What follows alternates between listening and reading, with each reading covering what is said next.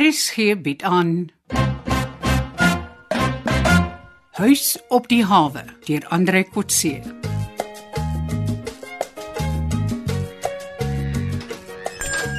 Hallo Lina. Welkom by die huis met die mooiste uitsig op mooi Ag hawens. kom nou Pauline, los jou wysie. Jy hoef mos nie vir my van die uitsig te vertel nie. Ek weet nie weet 'n opkikker nodig nie. Lyk my nie jy nie. Hoekom lyk jy so opgewonde Lina? Ooh, snaakse dinge gebeur op mooi hawens. Wat nou weer? Ag, Kom nou meisie, wat is dit? Die mans is laf. Jy sal dit glo nie. Wat nou? Ek het my op my ongeskikste gedra en hy probeer so waar weer. Wie nou? Kan net asseblief stil my tannie maak my dood. Kom vertel maar, vertel maar, ek sal die klikkie. Dis weer daai boelie. Dit lyk my hy kry nie die end nie. Wat is dit? Stok hy jou alweer? Nee, hè? ek het hom ons laas keer gesê ek wil niks met sy planne te doen hê Ek nie. onthou, ek onthou. En nou? Nou wil hy my weer tyd. Soos 'n melkskom ou koop, soos laas. Nee nee, hierdie keer wil hy gaan uit eet. O, ek sê jou. Ag, dit lyk my dis maar sy manier. Wat bedoel jy? Hy het dieselfde met Connie gemaak. Wat? Ja, hy het haar ook nou weer gedate. Connie. Ja. Sy wil ons mos nou niks meer van haar date sê nie. As glo privaat. Ja, sy het vir my en my tannie ook die deur gewys toe ons haar wou waarsku teen Boelie en sy planne. O, jy weet daarvan. En nou gaan jy wragtie en aanvaar 'n uitnodiging van Boelie. Nogal by die hotel. Ag, ek het sommer op die spur of the moment besluit om te aanvaar. Al weet jy hoe gevaarlik Boelie is. Ja, maar ek het net skielik besluit ek is nie bang vir hom nie. Almal is bang vir Boelie en intussen dui hy vir Connie. Mm. Ek het niemand wat vir my mag kwaad word nie en al die mans behandel my asof ek malaats is. So ek gaan die kans vat. Ooh, jou tannie sal 'n hartaanval kry. En ten minste twee mans gaan dan hulle kussings in huil. Oh, en ten minste een van ons gaan iets meer van Boelie weet as hulle. Terloops, waar het jy gehoor dat Boelie vir Connie ook tyd? Ek behoort dit nou nie eintlik vir jou te sê nie. Kan jy 'n geheim hou? Nee, ek is nie so privaat soos Connie nie. Ooh, jy's kattig. nee nee.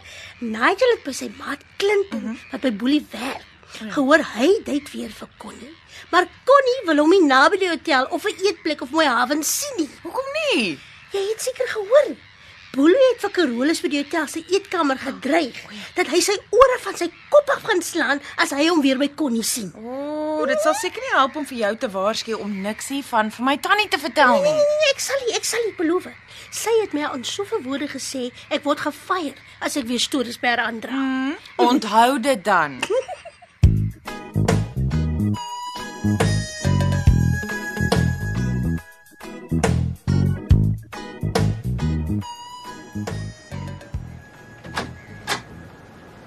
Anton, Ja, hier's ek broer. het jy lelike dinge opgetel op die huis se kommunikasies? Ai, maggies Jaapie, voeter jy nog steeds met onderskeppings. As jy aanhou om vir my sedepreke af te steek, dan gaan ek op om vir jou belangrike nuus te vertel. Nou goed, wat is dit nou? Boelie het vir Rina op haar sel gebel en genooi vir 'n ete vanaand by die hotel. Nee, wat het sy gesê? Sy het aanvaar. Jy jok. Kom luister self as jy wil.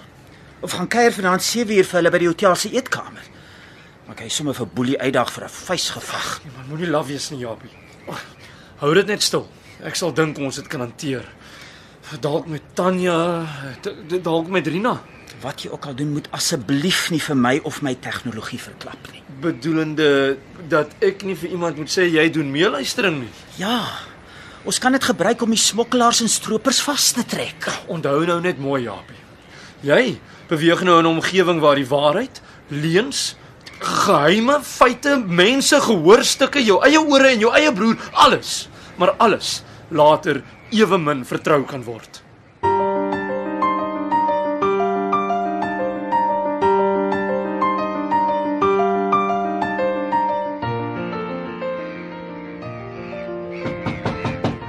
Hallo Rina.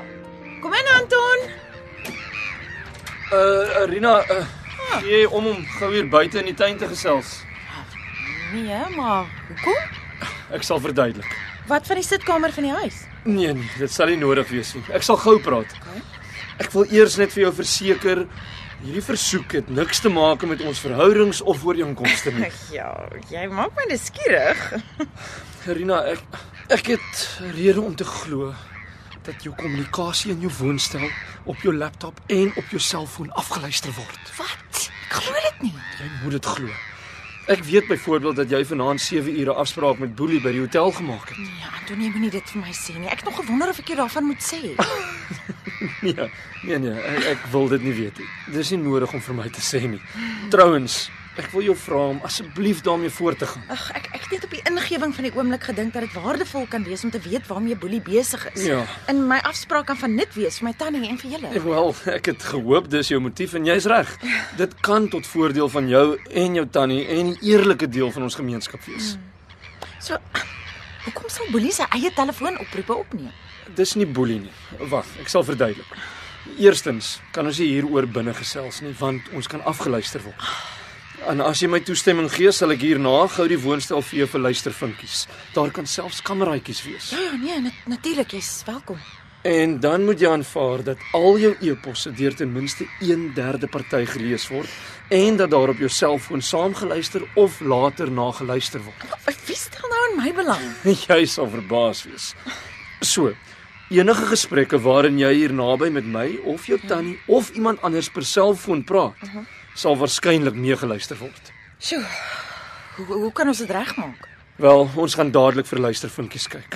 Maar die selfoon en e-posse moet jy voorlopig verdra en maar net oppas wat jy daarop sê of skryf. So wie is die persoon of, of die instansie wat die meeluistering doen? Kyk, Japie het uitgevind dat daar met julle Wi-Fi toerusting gepeter is en dat iemand toegang tot julle kommunikasie gekry het. Wat ander IT ouens kan regkry, kan Japie ook regkry en hy het uitgevind dat 5 of 6 gebruikers misbruik kan maak van julle stelsel. So so Jaapie is hier met my gesprekke afluister. Uh ja, maar hy kan dieselfde en beter toegang as die ander luisteraars kry. Ja, Boelie is een van die ouens wat 'n luistervink kan wees. En Boelie is daarom ook kwesbaar en Japie kan sy kommunikasies ook onderskep. Maar hoekom skakel ons nie net die Wi-Fi af nie? Omdat Japie ook nou na ander mense hier by huis op die hawe se kommunikasie luister. Daardie inligting kan nog vir ons en die polisie baie waardevol word vorentoe in die stryd teen die skelms. Ja, en jy wil daai vermoë behou. Presies. Ai, jis. Dis lekker. 'n Goeie begrip het 'n halwe woord nodig, nê? Nee. OK, kom ons kyk of ons daai vinkies en kameras kan kry. Vir jou eie inligting, die Chinese gas by die huis is een van die gereelde persone wat aktief op Boelie se selfoon is. Ons weet nie waar nie, maar ons het 'n sterk vermoede hy is deel van die sindikaat waarmee Boelie saamwerk. Ek moet dadelik vir tannie Tanya daarvan gaan sê. Sy weet dit reeds. maar eh uh, miskien moet ek Japie en jy môre saam gaan om met haar te gaan gesels sodat ons almal mekaar se optrede net beter kan verstaan. Ek het gedink om vir my tannie van my afspraak met Boelie te vertel, maar sy is so begaan oor my, sy sal dit dalk verbied. Ja, um, hou dit maar vir haar geheim tot môre. Dan sal ek en Japie haar oortuig dat jou afsprake met Boelie vir ons baie belangrik is en jy ons beste bron van inligting is. OK. Ek sal die afsprake met Boelie vir hom die moeite werd moet maak. Ooh, luister, ek hoop ek verstaan jou reg. ja, verkeerd. Ek het reeds uitgevind dat hy my eintlik misbruik vir inligting oor die huis en sy perlemoenplaasplanne. Ek sal vir hom van tyd tot tyd brokkies moed gee. Ek hoop my tannie sal dit verstaan. Dit is alles goed waarmee ons jou sal help. Sy dink ek's nog 'n kind en sy wil my beskerm teen boelie. Ja, nee, ons broers het op die harde manier uitgevind jy is nie meer 'n kind nie. Jou tannie sal met blydskap uitvind. Die feit dat jy nou 'n groot mens is, het sy voordele. Dankie Anton. dat ten minste jy nie dink ek is meer 'n kind nie.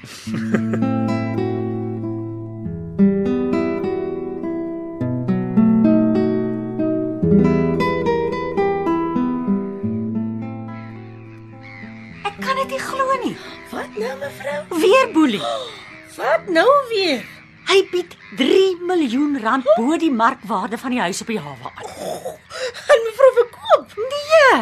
Ek weet mos hy kan nie enige wins op 13 miljoen rand se belegging maak uit hierdie plek nie. Nou, Maar dis mos sy probleem mevrou. Mevrou moet verkoop. Dis sit ek sonder 'n gastehuis en jy sonder 'n werk. Nee, maar ons het mos 'n vakbond. En wat word van jou in die kamer en kombuispersoneel?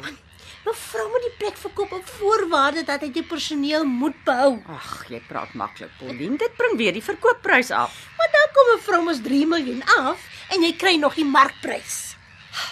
Het jy al die woord volhoubaarheid gehoor? Bedoel mevrou se sustainability. As hy die plek moderniseer, kan die onderhoud dalk minder word. En wat dink jy sal die personeel uit so 'n transaksie kry? Ons sal seker nuwe uniforms kry en dalk verhoging. Jy terg my. Wat het geword van lojaliteit? Dis juis aan julle wat ek dink. Ag, mevrou, mevrou moet nou al aan ons dink. Nie eendag as die plek verkoop is hier, dan sal ons nou al meer lojaal wees. Hy's op die hawe. Oh, good morning, Mr. Chang. Y yes. It's just a moment, please. Mevrou, dis meneer Chang van die BBP suite. Hy het al voorheen gebel. Hy kla met sy uitsig op die see van dat die suite nie goed genoeg is vir sy kamera op 'n driepotie. Sal mevrou met hom praat? Wil hy skuif na 'n ander woonstel? Nee, ek weet nie mevrou. Ek verstaan nie mooi nie. Hy wil 'n spesiale deel van die balkonstoep op die boonste vloer vir homself hê. Sit maar deur na my kantoor. Ek sal seker maar boontoe moet gaan om te gaan kyk wat hy presies wil hê.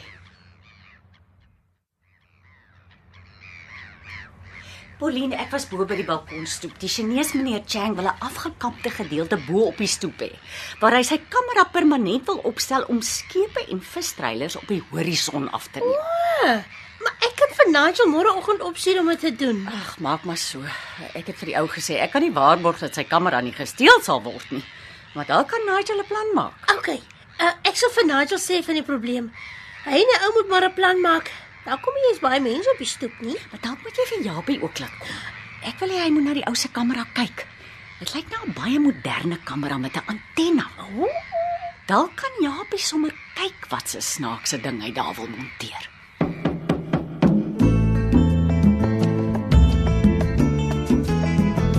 U het geluister na Huis op die hawe deur Andre Kotse. Die spelleiding is behartig deur Ronel Geldenhuys en die tegniese en akoestiese versorging is gedoen deur Cassie Lauers.